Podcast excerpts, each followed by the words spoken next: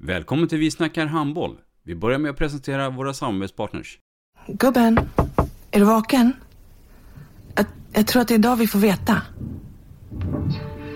Jag kom in! Mamma, jag kom in! Mamma, jag kom in! Jag kom in! Ah! Vi finns där du är när livet förändras. För alltid välkommen till Länsförsäkringar. Nej men, ska du ha t-shirt på dig? Du, det är ingen vanlig t-shirt. Det är en nya bollar till klubben t-shirt. Och så matchar den grillkryddorna vi ska använda. Hur då? Men det är ju alla ska med på klassresan grillkryddor. Stötta barn och unga. Shoppa på newbodyfamily.com. Länge leve föreningslivet!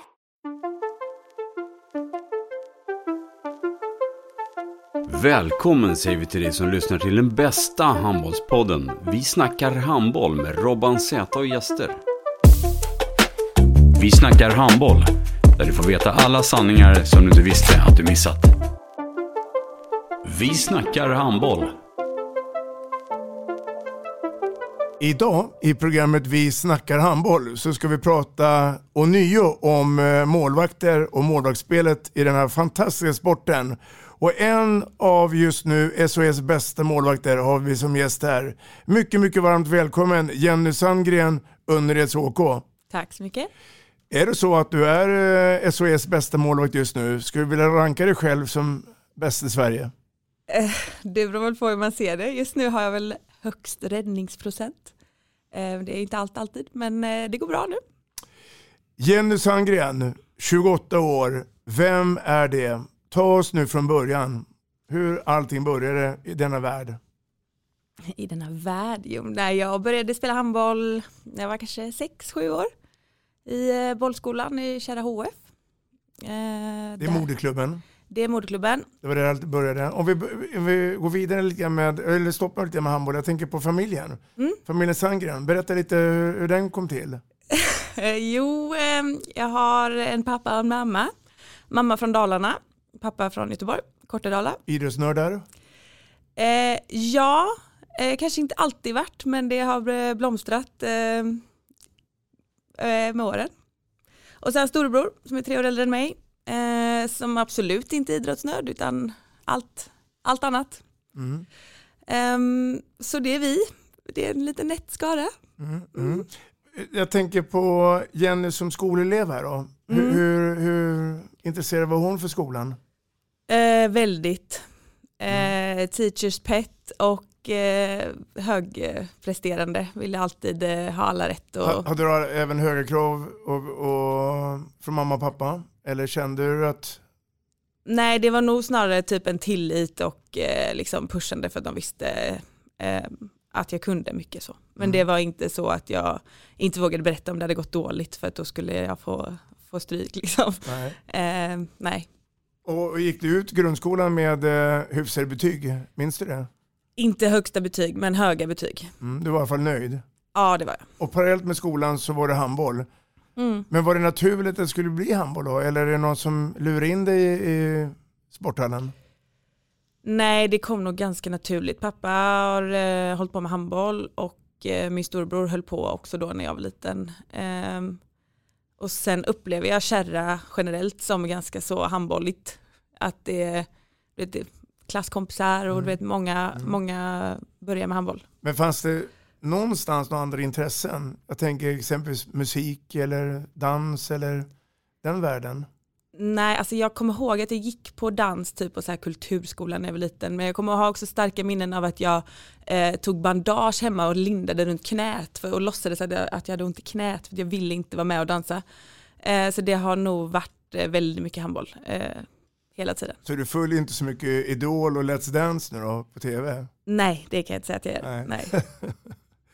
Ehm, I takt med grundskolan och vi kommer upp till årskurs 9 och sen kommer ett val som alla vi måste göra. Jag tänker på gymnasiet. Mm. Hur gick dina tankar den perioden?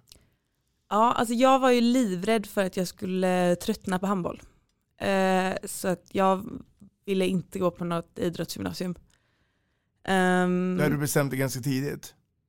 Ja, jag vet inte om det var, alltså jag har ju alltid älskat handboll jättemycket men jag vet inte om det var bara vart jag var i livet eller så men jag kände verkligen att då kommer eh, jag trilla över gränsen, liksom, då kommer jag tröttna. Um, så jag gick på um, Schillerska gymnasiet, mm. uh, som då var uh, humanist och språk uh, och estet. Med, typ. med den inriktningen? jag läste fransk sektion, mm. så jag samhällsspråk då, så massa, massa franska. Mm. Och det är jag väldigt nöjd med nu i efterhand. Man får lite så perspektiv, andra perspektiv på livet. Man hamnar ju lite typ i en handbollsbubbla. Alltså handbollsvärlden är ju som handbollsvärlden är och det var ganska uppfriskande att ha folk runt omkring sig som eh, tänker på helt andra saker och har helt andra syner på saker och man får liksom lite större bild av världen än vad man kanske fick i handbollsbubblan, upplevde jag. Mm. Och, och det här livet utanför handbollsplan då, jag tänker ett härligt namn, partyprinsessa. Alltså fanns det utrymme för fester och gå ut på krogen och det eller, eller var det ett, ett liv du inte riktigt kände dig hemma på? Nej, alltså det är väl alltid begränsat utrymme när man eh, håller på med handboll. Man är alltid den som kommer liksom inspringandes lite senare med träningsväskan på axeln för att man kommer rätt från träning och sånt. Men det fanns absolut utrymme för att vara ung och ha kul, upplevde jag i alla fall. Mm. Um, så jag har nog fått det bästa av båda världar. Mm. Mm. Det blev målvakt. Mm. När i resan bestämmer du att du vill bli målvakt? Vad pratar vi för tidsaxel nu? Alltså det var nog ganska tidigt. Um, pappa och storbror var ju målvakter också så att man är väl kanske påverkad hemifrån. Um, men jag kommer också ihåg att jag tyckte att det var väldigt, väldigt roligt redan uh, på minihandbollsstadiet uh, just att rädda bollen. Mm. Uh, sen finns det folk i min, mitt närområde som skulle säga att det är för att jag inte orkade vara med och springa och hålla på. Men eh, jag kommer ihåg att jag tyckte det var väldigt roligt. Eh, och eh, jag kommer inte ihåg exakt när det bara blev målvakt, men jag var alltid en av dem som var med och stod i mål när man mm. höll på att rullera. Liksom. När, när, du eh, kommer in i den tiden där man blir mer ett organiserat lag, det blir kupper och tävlingar. Eh, vad har vi för minnen från den tiden och det, den årgången och, och de tränare du hade då? Berätta lite grann där.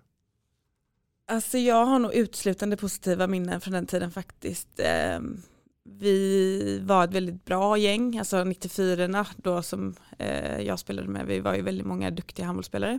Mm. Eh, och, eh, Nämn några som var bra i det laget. Ja, Julia Eriksson, mm. Mikaela Messing, Jenny Karlsson, Rebecka Karlsson, Josefin Wikström, ett koppel duktiga spelare. Ja, Daniel Augustin, ja, jag kan hålla på hur länge som och, helst. Några spelar mm. och några har också varit skadade. Mm. Några har lagt skorna på hyllan. Mm.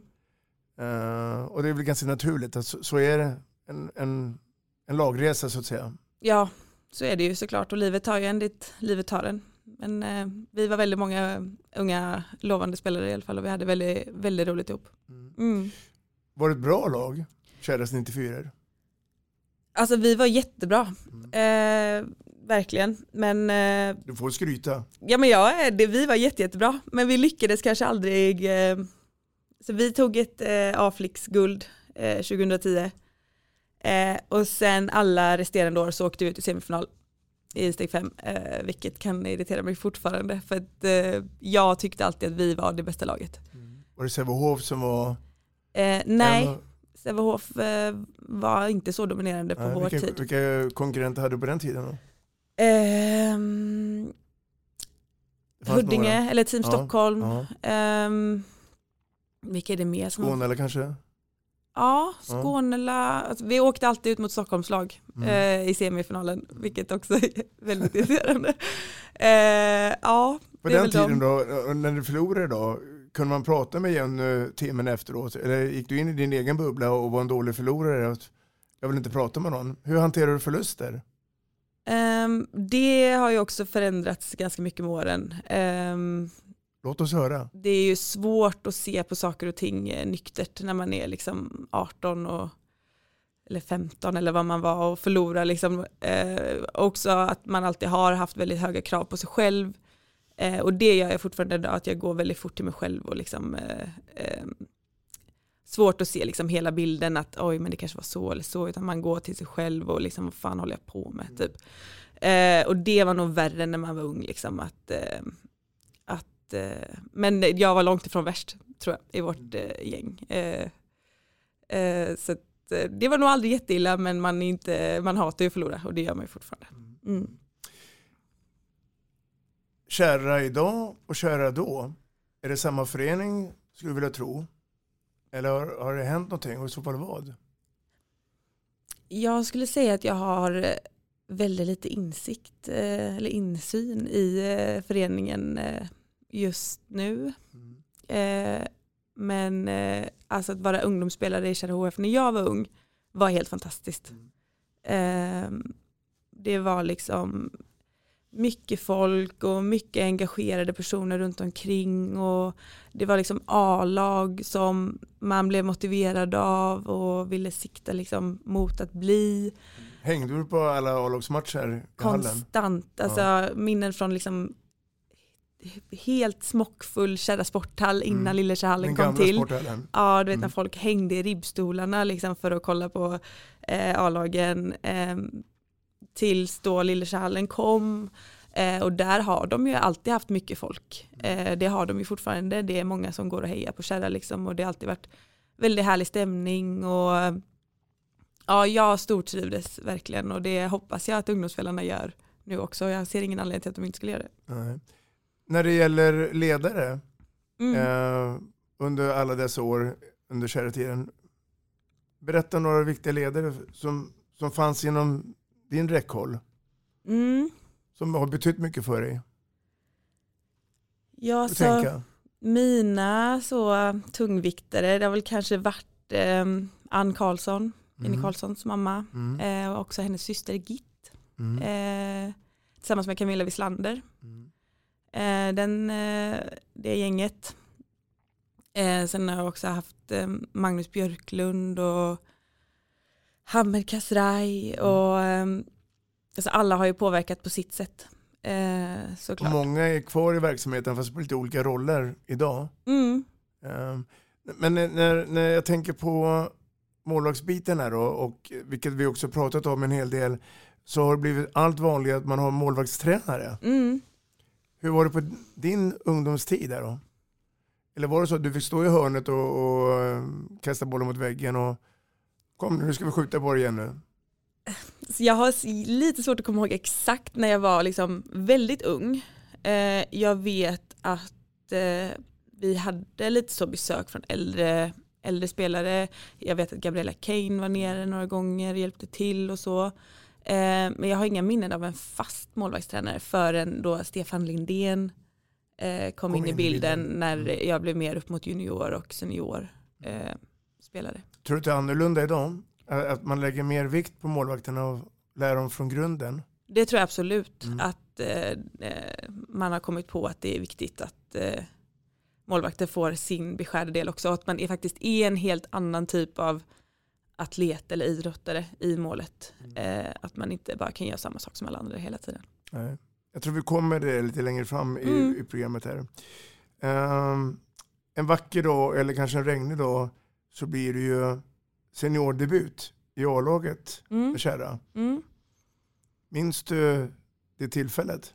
Absolut. Eh, det var väl tio år sedan eh, nu, 22 december. Är jag ganska säker på. Wow. Eh, Tumba hemma i Lillersalen. Ja. eh, så det kommer jag ihåg. Eh, jätteroligt. Eh, inte Visste du då att du skulle få spela alltså innan du blev, alltså i samband med att du blev uttagen? Eller kom det fem minuter innan matchen börjat? Nu igen nu, hoppa in i målet. Det kommer jag faktiskt inte ihåg. Eh, men jag vet att vår uttalade första målvakt eh, var borta av eh, någon anledning. Och att det var jag som då var tredje målvakt och så den andra målvakten då. Så mötte vi Tumba som kanske då hade lite tufft i högsta serien det året. Så jag vet inte, jag kommer inte ihåg om det var liksom nu får hon chansen eller om det var att det blev så bara. Jag kommer inte ihåg om jag startade eller om jag kom in Nej, eh, nej. efter en stund. Men eh, jag kommer ihåg att det var väldigt roligt i alla fall. Men, men i takt med, med eh, premiären i seniorsammanhang så blev du bosatt där sen. Det blev en förlängning. Alltså du, du trampade på där. Eller var det bara en gång och så fick du en ny chans längre fram? Ja, jag tror att eh, jag inte riktigt hade en fast plats då Nej. faktiskt. Ehm, Det där var ju 2012 som sagt. Jag tror fortfarande att jag var lite så in och ut eh, men att kanske jo 13-14 spelade jag nog, var jag nog fast på eh, i A-laget i alla fall. Mm. Ja. Mm. Bästa minnen då under tiden åren med eh, kära? Vad skulle du, om du får välja några godbitar? Ja, de är nog allihopa från eh, ungdomsåren. Eh, SM-guld, eh, Partille Cup-guld som vi avgjorde på sudden death.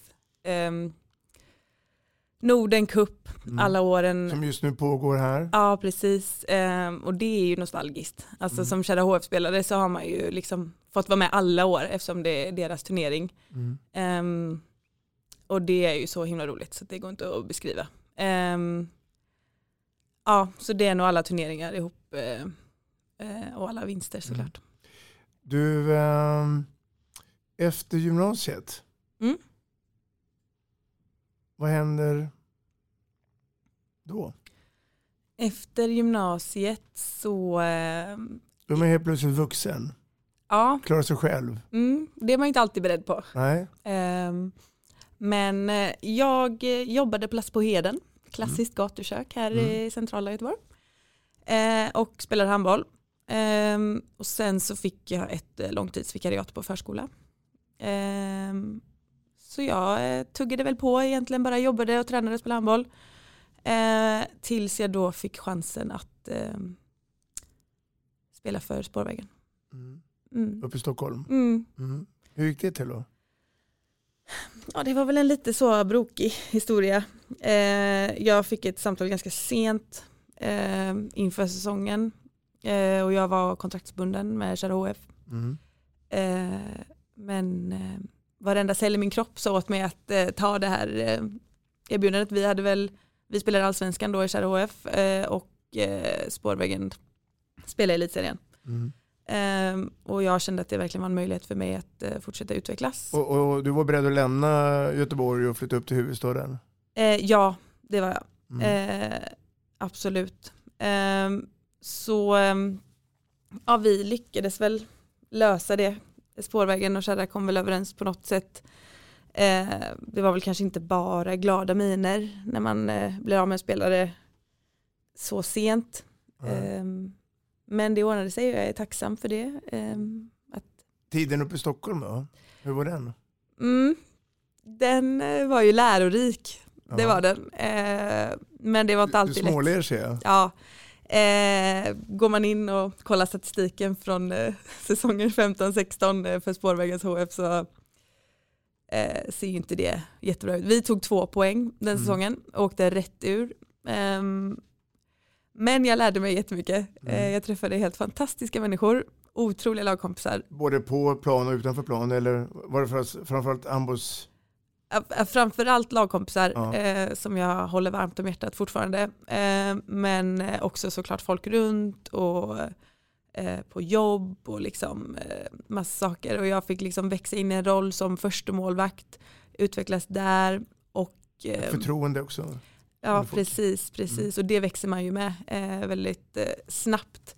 Ehm, och jag lärde mig att släppa in bollar, att inte Mm. det är hela världen. Ehm, det mentala fick sig en eh, styrk, styrkepush, att man lär sig att hantera nederlag och ehm, ja, alla... Min- Minns du vad ni hade för eh, sportsliga målsättningar innan säsongen började där? Eller visste du att det här kommer bli tufft? Men kanske inte att vi skulle bara ta två poäng? Eh, vi visste nog att det skulle bli tufft. Mm. Eh, men målsättningen var ju såklart att hålla oss kvar i Mm. högsta ligan. Mm. Sen hade vi hade ju många sådana förluster, du vet man förlorar på sista, sista kastet i Mm. matchen och du vet så här så att alltså hade man haft lite mer vinst så hade vi kanske haft sex poäng. Sen kanske inte det direkt för att hålla sig kvar heller men eh, då kanske man hade liksom lämnat med lite högre Mm. huvud. Dina kollegor numera, jag tänker ett stenkast från Önnered, Heid, Mm. ligger kanske lite i samma situation som Spårvägen var. För de får ju också nu åka runt och inkassera massa förluster. Mm. Vad lär man sig på sånt? men alltså, jag upplevde i alla fall att jag eh, blev hårdhudad av det. Mm. Alltså att eh, jag upplever att jag idag skulle, jag kan släppa in tio raka mål och inte ens vara i närheten av dem och ändå känna att jag tar nästa liksom. Att Mm. eh, man inte går sönder. Eh, men sen lär man sig också typ, vi, vi fick ju ha otaliga möten och man måste kommunicera och prata och ehm, det är inte lätt att vara i den situationen. Alltså det gnisslar något så fruktansvärt i gruppen gentemot ledare. Alltså det är konstant när det går emot hela tiden. Ehm, Man letar fel absolut. istället för att försöka hitta lösningar. Absolut, Mm. eh, och man hamnar väldigt lätt i att eh, skylla ifrån sig och alltså, allt det här som att man vad kunde jag gjort själv, man är mycket enklare att liksom, ja men du då liksom. Alltså, Mm. eh, så det är jätte, jättelärorikt, Mm. men det är inte kul. Du, eh, efter spårvägen då? Vad hände sen i karriären? Mm, då bestämde jag ju mig att jag inte ville stanna där. Ehm, men jag visste inte heller vad jag skulle hitta på. Hade du nu erbjuden då i den vevan när säsongen tog slut? Nej, Nej. Nej, alltså säsongen tog ju slut 5 mars för oss då när Ja. vi spelade sista, sista omgången. Eh, och då hade jag ingen aning om vad jag skulle hitta på. Jag hade inga, inga erbjudanden, ingenting. Och, eh, man har väl kanske inte direkt varit jätteattraktiv på marknaden heller när man eh, eh, spelar i det laget som åker ut och släpper in överlägset mest mål. Var du beredd vid det tillfället att eh, ta tröjan och hänga upp på en galge i- garderoben? Nej det var jag nog inte heller. Jag var väldigt sugen på att fortsätta spela handboll. Ja. Ehm, men så jag försökte väl ha lite is i magen och jag pratade med några klubbar så men kanske inte riktigt något som ehm, jag kände var eh, rätt i prick liksom, prick, mitt i prick. Mitt i prick, ja. Men eh, så jag kommer ihåg att min sambo han skrev en tweet om, om mig typ. Eh, jag, vet, jag kommer inte ihåg vad det stod men någonting om att jag inte hade någon klubb och liksom Sveriges mest underskattade målvakt saknar klubb eller något i den stilen. Eh, som då CK såg, som då var i Fredrikstad bollklubb. Mm. Eh, och han svarade på den tweeten och frågade är hon fortfarande klubblös typ. Och så fick CK mitt nummer då av min sambo. Eh, och så hamnade jag i Fredrikstad bollklubb. Och CK är Christer Karlsson, numera tränare för Kära HF. Precis. Så det, det där samtalet kommer då från Fredrikstad. Mm. Vad tänker man då? då? Alltså det var ju över all förväntan. Um, alltså I Norge så hade de kommit väldigt mycket längre i att satsa på damhandboll. Eh, och man kunde helt plötsligt hamna någonstans där det fanns liksom förutsättningar för att liksom verkligen lägga tid på träning och liksom utveckla sig själv. Och, ja, jag blev så glad. Eh, en chans eh, också som har gjort den jag är idag liksom, handbollsmässigt. Eh, så det var otroligt. Den första stora skillnaden mellan Kära spårvägen och Fredrikstad. Hur, hur, hur var den? Jättestor upplever jag. Det var stor skillnad fysiskt på spelarna. Tempot, Annan, annan tränarkultur? ja, Mm. absolut. Eh, tempot på själva handbollen. Eh, professionalitet. Alltså det kan jag inte tala för att det är överallt i Norge liksom, gentemot Sverige. Men eh, för min del så var det stor skillnad i att det var liksom proffsigt och liksom eh, Uppstyrt. ja, verkligen. Eh, så det var kontrast. Minns du vad man hade för mål på den tiden? Då? Alltså sportsliga mål? Ehm, Jag kom ju dit när eh, de precis hade misslyckats med att Mm. gå upp i högsta serien. Eh, Så vårt mål var ju att gå upp. Mm. Eh, 100% Eh, och eh, det gjorde vi. Mm. Vi vann det året. Eh, Också kontrast från att förlora 21 av 22 matcher förra Mm. året så eh, gick vi helt plötsligt och vann. Eh, Så det var ju otroligt kul. Och intresset blev bara större och större i staden i takt med att ni, ni gick som tåget. Ja, eh, vi brottades ju med ett ganska stort fotbollsintresse eh, för FFK då, fotbollslaget i byn. Ehm, men absolut, eh, framgång föder ju ofta mer intresse liksom. Så att det var jätteroligt att vara med på den resan. Mm. Och, och är du fortfarande då Jenny Sangren som en doldis? För du får lite rubriker även i Sverige att det går bra för dig i Norge. Hade du någon gång kontakter med, eh, med förbundskaptenen i Sverige? Eh, nej, Nej. det hade jag inte. Ehm, 2018 Ja. var jag väl på en ligalandslagssamling eh, Mm. i Skövde. Eh, Hur gick det till? eh, Vem kallar dig? ja, det var väl Signell. Ja. Ehm, jag eh, pratade aldrig direkt med honom men eh, jag läste mitt namn på den här eh, lilla bilden de la ut på Ja. sociala medier. Så, Kom det som en överraskning? eh, ja det skulle jag säga, Ja. absolut. Eh, och jag var jätteglad. Ja. Det var har, du fått reda på i efterhand hur, hur, hur det gick till? Eh, nej, Nej. jag har inte frågat heller. eh, nej så det var jätteroligt och så fick ju vi chansen då, eh, en stor del av det gänget som var där i Skövde, att åka till Sydkorea på, eh, på turnering samma sommar. Eh, och det var ju helt otroligt roligt också, verkligen. Förstår det. Mm. Tiden i Norge då, Mm. varar du inte för evigt. Men eh, hur, hur, eh, hur tänker man här då när man är där? Och, och hur länge vill du vara kvar? Och när bestämde du att ja, men jag vill nog eh, flytta hem igen? Ehm, alltså jag hade egentligen inga planer på att flytta hem. Jag var ändå där i fem år Mm. och jag upplevde att min utvecklingskurva gick uppåt hela tiden. Ehm, Men ehm, jag drabbades ju av en hjärnskakning 2019 eh, som var väldigt, väldigt eh, tuff. Mm. Både fysiskt, fysiskt och psykiskt. Ehm, Jag var riktigt dålig eh, länge och eh, ja, jag blev deprimerad och eh, mådde helt ärligt eh, skit. Mm.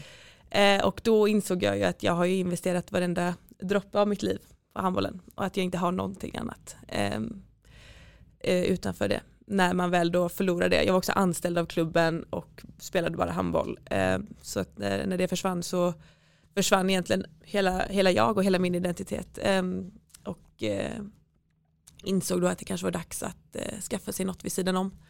För att eh, karriären tar ju slut en dag. Mm, och eh, kanske liksom, Det var så, om du får säga illa då? ja det var jätte, jätteilla. Alltså det är inte många som får så långvariga men Nej. av en hjärnskakning Nej. men eh, jag var väl en av de få. Mm. Eh, och eh, ja det var otroligt jobbigt, otroligt jobbigt faktiskt. Eh, att eh, man vet aldrig när det blir bra, man vet inte om det blir bra. Eh, man står utanför träningsgruppen, man är ensam, man ligger hemma i sin säng. Du kan inte liksom Var allting bara ett mörker? Ja, alltså det, var, det var så mörkt så att jag vet inte. Jag, jag hade också inte kanske rätt eh, personal runt mig i början som inte kunde tillräckligt mycket om hjärnskakningar. Nej. Eh, det är ju inte jätte, det, alltså, det kommer ju mer och mer nu Mm. den här Man medvetandet. forskar vidare på Ja, det. Mm. precis. Eh, men eh, så att jag kanske inte heller fick eh, rätt hjälp med att komma mig vidare. Men eh, det var mörkt. Det var Mm. riktigt, riktigt mörkt. Men någonstans där inne i det här mörka rummet så tändes det något ljus, misstänker jag. För att eh, karriären tog inte slut där. Nej, alltså när jag väl fick hjälp och kom mig ur det här då ehm, så eh, kände jag ju att eh, saker och ting faktiskt var möjligt igen.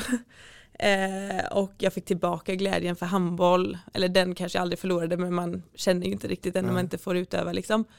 Eh, men, eh, och då kände jag verkligen att eh, ja, jag älskar handboll och det är Mm. det enda jag vill hålla på med liksom. Eh, och så bestämde jag mig för att söka högskolan här hemma i Göteborg då.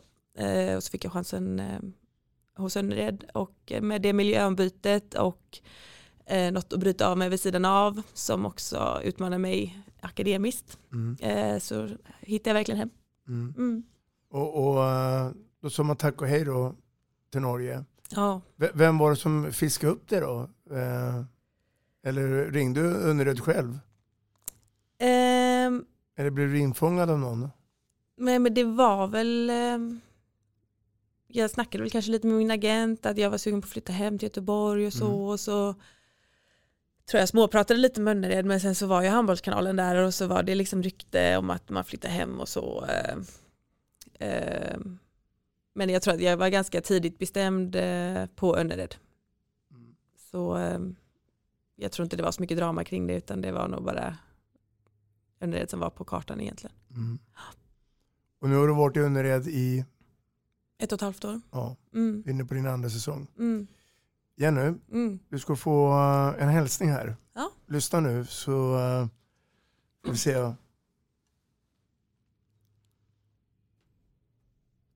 Hej Jenny. Eh, jag är väldigt tacksam över att eh, du är målvakt i mitt lag och inte i något av motståndarlagen för det hade gjort det väldigt mycket tuffare. Eh, nu ska vi se om du är lika duktig på att spela in podd som du är på att rädda bollar i mål. Lycka till! Ja du, Mm. din kompis på plan, Ja, Linnea Linnea ja. Säreborn. Mm. Mm. Kan det vara så enkelt att det är den här pusselbiten som har saknats i Önnered för att bli ett topplag i SHE? En tänk- målvakt menar du eller? Sant. eh, nej det vet jag inte, de har väl haft bra målvakter eh, tidigare också.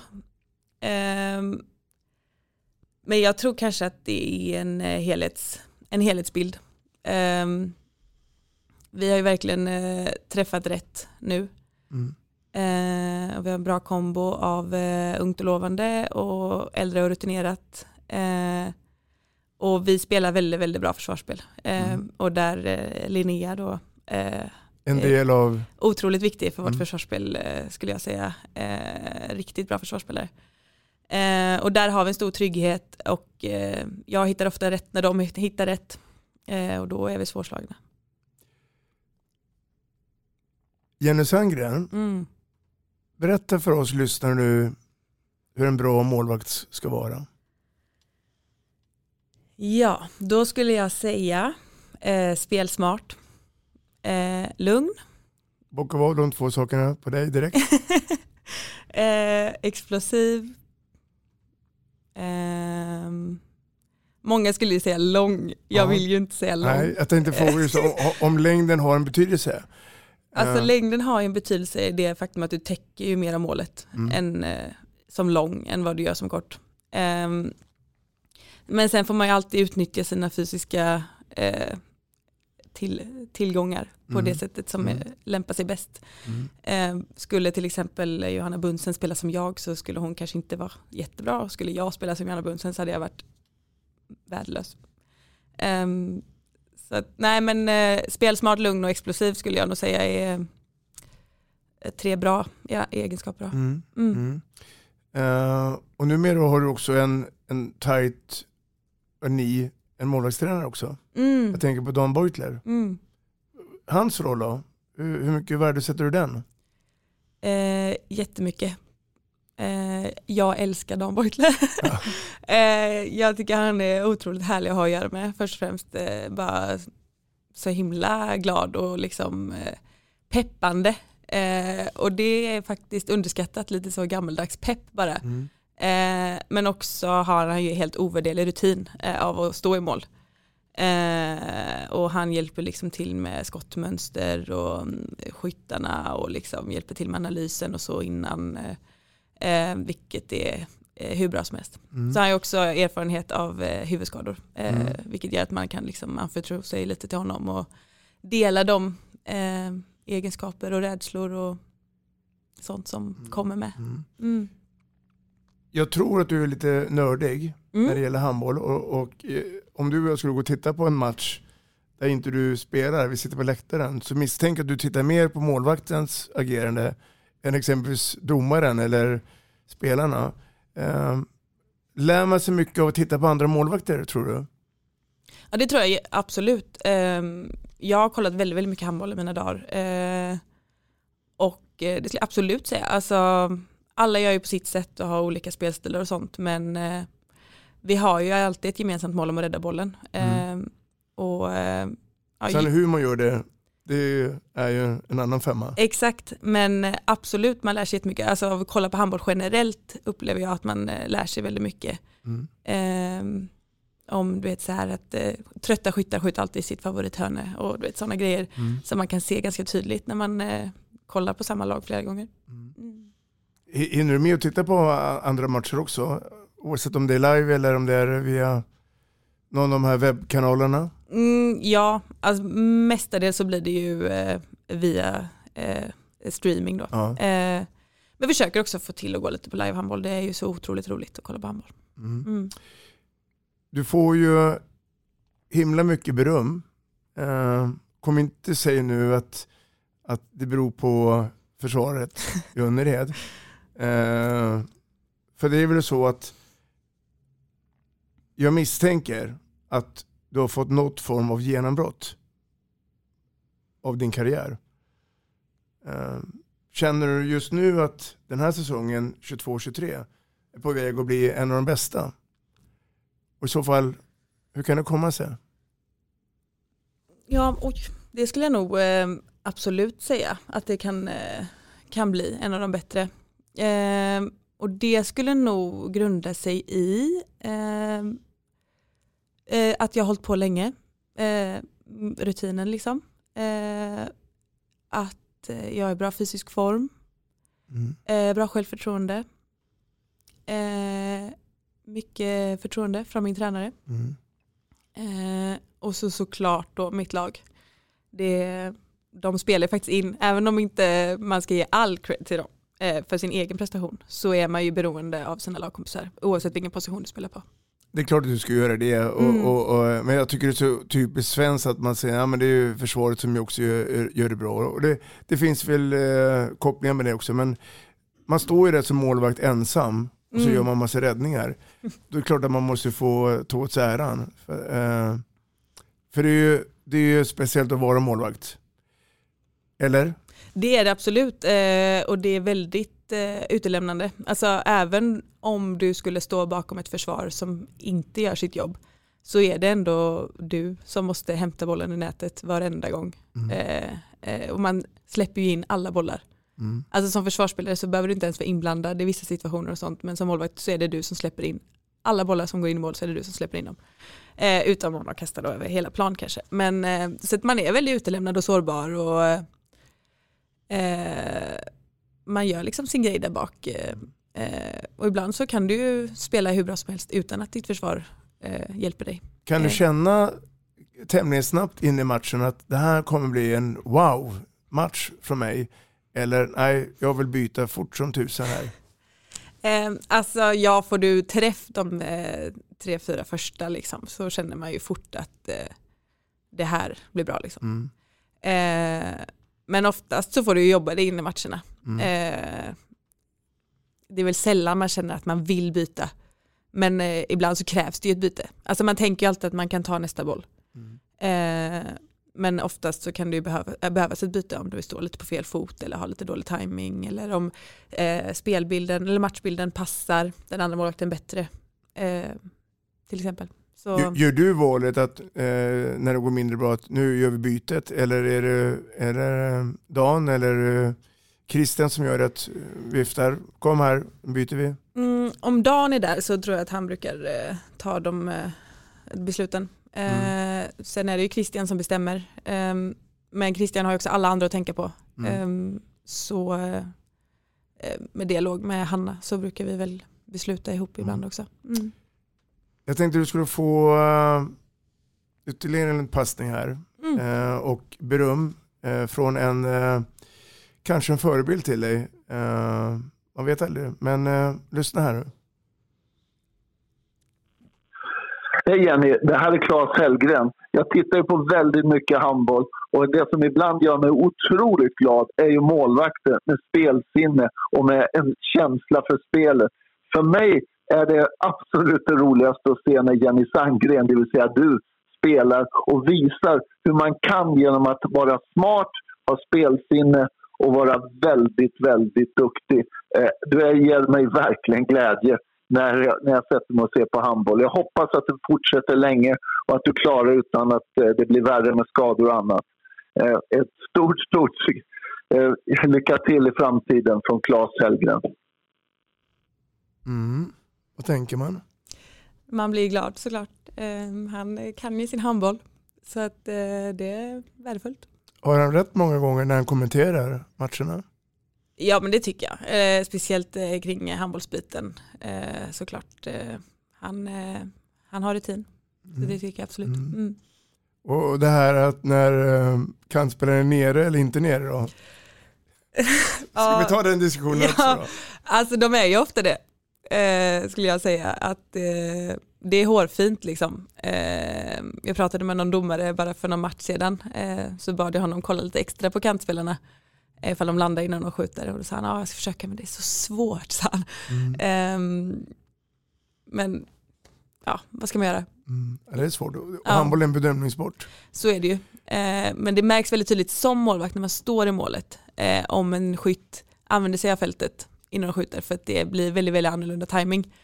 Ehm, och därför kan man bli lite så ah, galen ibland. Eh, För att man, de får liksom den här extra mikrosekunden eh, vilket förstör ens placering och utfall. ehm, och då kan man bli lite frustrerad. Mm. När eh, kommer samtalet från förbundskapten Thomas Axnér till Jenny Sandgren? Nej men det gör det nog inte, tänker jag. Eh, de är för många bra, tycker jag, eh, just nu. Eh, jag, eh, jag kämpar på med mitt liksom, men eh, det finns många bra målvakter. Till exempel Jessica Ryde som jag tycker är otroligt imponerad av henne. Och jag tycker hon är Hennes utveckling. Ja, Mm. herregud. Eh, och jag tycker hon är överlägset nummer ett i Sverige just nu. Och där har jag en bit att vandra för Mm. att nå ikapp henne. Mm. Känner du att uh, Johanna Bundsen som, som eh, har varit ute i eh, proffslivet och blivit mamma, att det är tufft där nu för henne att komma tillbaka, att vara den, den goda Bundsen som var tidigare? Eller, eller ser man något annat där? Nej det vet jag inte. Alltså, jag tror hon har det i sig. Eh, och det visar hon ju när hon eh, är på sitt bästa. Liksom. Ja. Eh, det som jag tror är med Ryde nu är bara att hon har, liksom, hon har ett jävla självförtroende, hon är i bra form, hon spelar många, hon har väldigt, väldigt låg, eller väldigt hög lägstanivå Mm. upplever jag. Att hon är väldigt jämn och så har hon också topparna där hon fullständigt stäng- stänger igen. Ehm, så det behöver inte vara att hon är etta liksom konstant. Jag tror att Bunsen har det i sig fortfarande också. Men eh, just nu tycker jag Ryde är överlägsen. Men, men kan det vara så då att om du nu ska få chansen i blågult att du måste göra som många andra då, och som du har gjort. Att ta väskan och flytta utomlands. Och få vara med i en bättre miljö. Måndag till fredag, lördag, söndag, 7-24. Det kan hända. Alltså, det var ju det jag upplevde i alla fall i Fredrikstad. Att eh, jag utvecklades väldigt mycket av att hamna bland spelare som kanske var hacket bättre. Eh, men eh, vi får se. Jag eh, har det som sagt väldigt bra just nu i Önnered. Eh, Mm. eh, och med det privata runt omkring. Så man vet aldrig. Nej. Du tar eh, en dag i sänder då, eller? Ja, lite Mm. så får det vara. Mm. Kan, kan du tänka dig på sikt att bli eh, instruktör? Har du tänkt den tanken någon gång? Så typ tränare. Ja. Mm, Har du fått frågan från något ungdomslag att kom ner och, och latcha lite med Kalle eller Lisa i mål? Ja men det har man väl gjort. Ehm, Jag skulle inte säga att det är något som liksom kittlar mig jättemycket. Det förvånar mig, för det är inte, du är inte den första som säger det. Säkert inte den sista. Nej, alltså Men- jag, har aldrig varit liksom så, här, så himla glad i så övningar och sånt. Eh, jag, jag tycker att den bästa träningen är att stå, alltså, spela match. Typ. Mm. Alltså bara i- försöka rädda så många bollar som möjligt. Så jag har heller ingen sån här övningsbank eller massa grejer att gå till. Så det kan också vara att jag bara känner att jag inte är tillräckligt eh, bra. Jag kan bara lära ut min filosofi. Liksom. Jag kan inte visa i massa olika. Nej. Ehm, så det kan vara det. Men det lockar mig inte riktigt. Om du vill prata förebilder då? Mm. Har vi några där? Alltså jättemånga, man kollar som sagt mycket handboll och liksom tar inspiration av många olika. Men eh, den som har alltid eh, varit eh, helt överlägsen det är Thomas Svensson. Mm. Han, eh, jag grät en gång när jag träffade honom på Liseberg när jag var liten. Det var en idol. Ja, Ja. alltså otroligt. Vad såg du så honom då då? När han spelade? Alltså jag kommer inte ihåg exakt vad det var men det var bara någonting med honom. Det var förmodligen att han bara räddade väldigt, väldigt många bollar. Um, och också vet, något med liksom hans utstrålning. Jag kan Mm. inte riktigt sätta fingret på det men eh, ja, jag var riktigt imponerad av honom när jag var liten. Och, Mm. Ja, väldigt, väldigt eh, stor förebild. Om vi tar ett litet scenario här Jenny. Eh, det är slutet på veckan, sista träningen är avklarad, match på söndag mot något lag. Jag tänker dina förberedelser. Mm. Går du in i en bubbla, pojkvännen får stå utanför och frysa. Jag är i en bubbla, jag ska tänka på matchen. Hur, hur, eh, hur förbereder du dig? För jag misstänker att det handlar om att vara förberedd. Ja, det gör det såklart. Ehm, ja, jag lägger ganska mycket tid på video. Ehm, Det försöker jag göra kanske lite tidigare. Ja. Ehm, Man vill inte ha det i närminnet utan man vill ha det i, längre bak i, i skallen. Mm. Men så att, alltså jag är lite så nitisk med rutiner och så men eh, det viktigaste för mig är att jag sover gott hemma i min egna säng. Eh, äter eh, mycket och bra mat. Eh, sen får gärna pojkvännen störa lite och sånt för det är också bra att tänka på annat. Eh, så att man inte tänker ihjäl sig på matchen för då, då blir det kajko. Eh, så inga jättestora grejer, lägger mycket tid på video men eh, kanske lite tidigare i veckan. Eh, och sen också när man har spelat nu, som SO är nu liksom, så känner alltså, man har ju sett dem så mycket så man behöver inte heller analysera ihjäl alla spelare utan man eh, har ganska god kunskap om dem. Spelar- det någon roll om eh, det är hemma eller bortamatcher för dig? Ja men lite, med bortamatcher blir det ju mer att man måste kanske planera sin mat kring när man reser, hur man reser, när Sitter den där vi. trånga bussen och Ja, ja, det har jag inga problem med. Jag är samma person, jag sover hela tiden. Så Mm. det, inga problem. nej, det är inga problem. Ehm, men det är väl med maten så och sånt. Man får ju tänka på när man stannar och äter, hur mycket mellanmål man måste ha med sig och sånt där. Och det kommer ju mer naturligt när du är på hemmaplan. Men ehm, det är, det är ungefär samma. Mm. Mm. Vi är inne i mellandagarna av 2022 när vi spelar in podden. Eh, och i talande stund, Jenny, så har vi Önnered på fjärde plats i SOE. Vi har eh, passerat nu halva. Eh, och jag misstänker ju att den här senaste matchen då, borta mot Hör är ju en framgång. Eh, hur kommer våren se ut, tror du? 2023? Nej, men jag hoppas på att vi kan fortsätta bygga vidare på det som vi har, eh, eh, har på gång nu. Liksom. Mm. Ja, eh, och att vi klarar att eh, inte hamna så djupt ner på de eh, sämre dagarna. Mm. Vi, är väldigt, vi är väldigt, väldigt bra när vi är bra. Eh, men så har vi en tendens att vara ganska dåliga när det väl går dåligt. Tänker du på någon speciellt? Jag tänker kanske på Västerås borta. Västerås borta, Mm. Spe, speciellt. Eh, Som å andra sidan har ju gått väldigt bra. Eh, Absolut, det är ju eh, ett eh, bra motstånd liksom. Eh, och de är i form och liksom har flyt och allt det där. Så det är väl inte det att man förlorar kanske. Men just sättet vi förlorar borta mot Västerås är väl kanske inte det bästa. det bästa. Nej. Men så bara tugga vidare på det vi håller på med nu. Eh, och så tror jag att vi kan vara farliga. Eh, det gäller att vinna rätt matcher. Eh, det gäller att hålla dem bakom oss bakom oss. Eh, och så sno några poäng av dem som ligger över oss. För, för matchen senast här mot eh, Hör vill jag ju påstå det är en skalp. Men å, å andra sidan så kan det ju också vara så att Hör har ju en hel del skadade eh, spelare på listan. Mm. Men det fråntar inte heller er prestation. Nej, alltså de har ju tongivande spelare på sidan just nu, det har de. Eh, men jag tycker fortfarande att de har många bra spelare.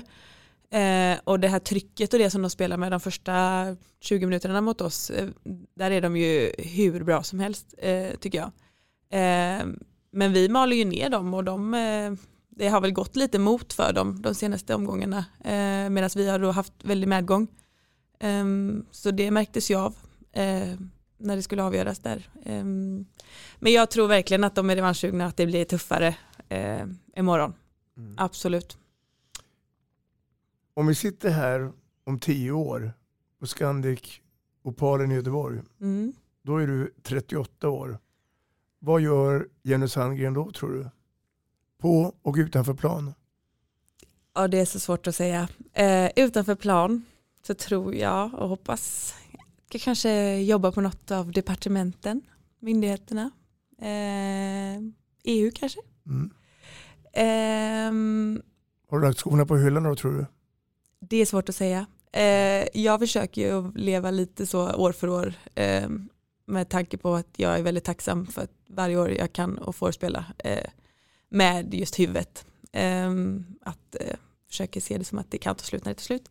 Mm. Eh, men förhoppningsvis så eh, håller jag på med handboll. Mm. Eh, det hade varit roligt. Jag misstänker att du välkomnar den här nya regeln att om man nu skjuter bollen i huvudet på målvakten så får man en två minuter. Mm. Ska det vara hårdare straff tycker du? Eller är det en bra början? Nej men jag tycker det är en bra början. Det är ju fortfarande ganska svårbedömt och så men jag tycker i alla fall att det visar att man tar huvudskador på allvar. Um, och att det inte är okej att vi måste få bort de här stenhårda i huvudet i fria lägen. Liksom. Sen förstår jag att ingen gör det med mening förhoppningsvis. Men um, ja, jag tycker det är bra. Jag tycker det är en bra indikation på att uh, man i alla fall försöker visa att det här är inte okej. Liksom. Mm. Um, Jenny Sandgren, mm. det är häftigt att prata handboll. Mm. Nu är det så att tiden har kommit ikapp oss. Ja. Eh, det har varit en ära att ha haft det här. Eh, jag hoppas att det är ömsesidigt. Tack för uh, all berättelse som du har varit med om. Framförallt den här, som jag kallar framtidsspegeln. Det ska bli kul att följa dig. Och vem vet, det kanske blir en blågul landslagströja inom kort. Ja, vi får se. tack så mycket. Tack, tack. Vi snackar handboll, där du får veta alla sanningar som du inte visste att du missat. Vi snackar handboll. Vi snackar handboll produceras av produktionsbolaget High On Experience, från vision till passion. Ett avslutande tack till våra samarbetspartners. Hallå! Kommer ni eller? Ja, ja. Har du sett mina ankelsockar? De här? Nej, nej, jag menar skridskoslip till juniorlaget Ankelsockarna. Ja, men kolla bredvid träningsläger med handbollstjejerna-t-shirtarna. Stötta barn och unga. Shoppa på newbodyfamily.com. Länge leve föreningslivet! Gubben, är du vaken? Jag, jag tror att det är idag vi får veta. Jag kom in! Mamma, jag kom in! Mamma, jag kom in! Jag kom in! Ah! Vi finns där du är när livet förändras. För alltid välkommen till Länsförsäkringar.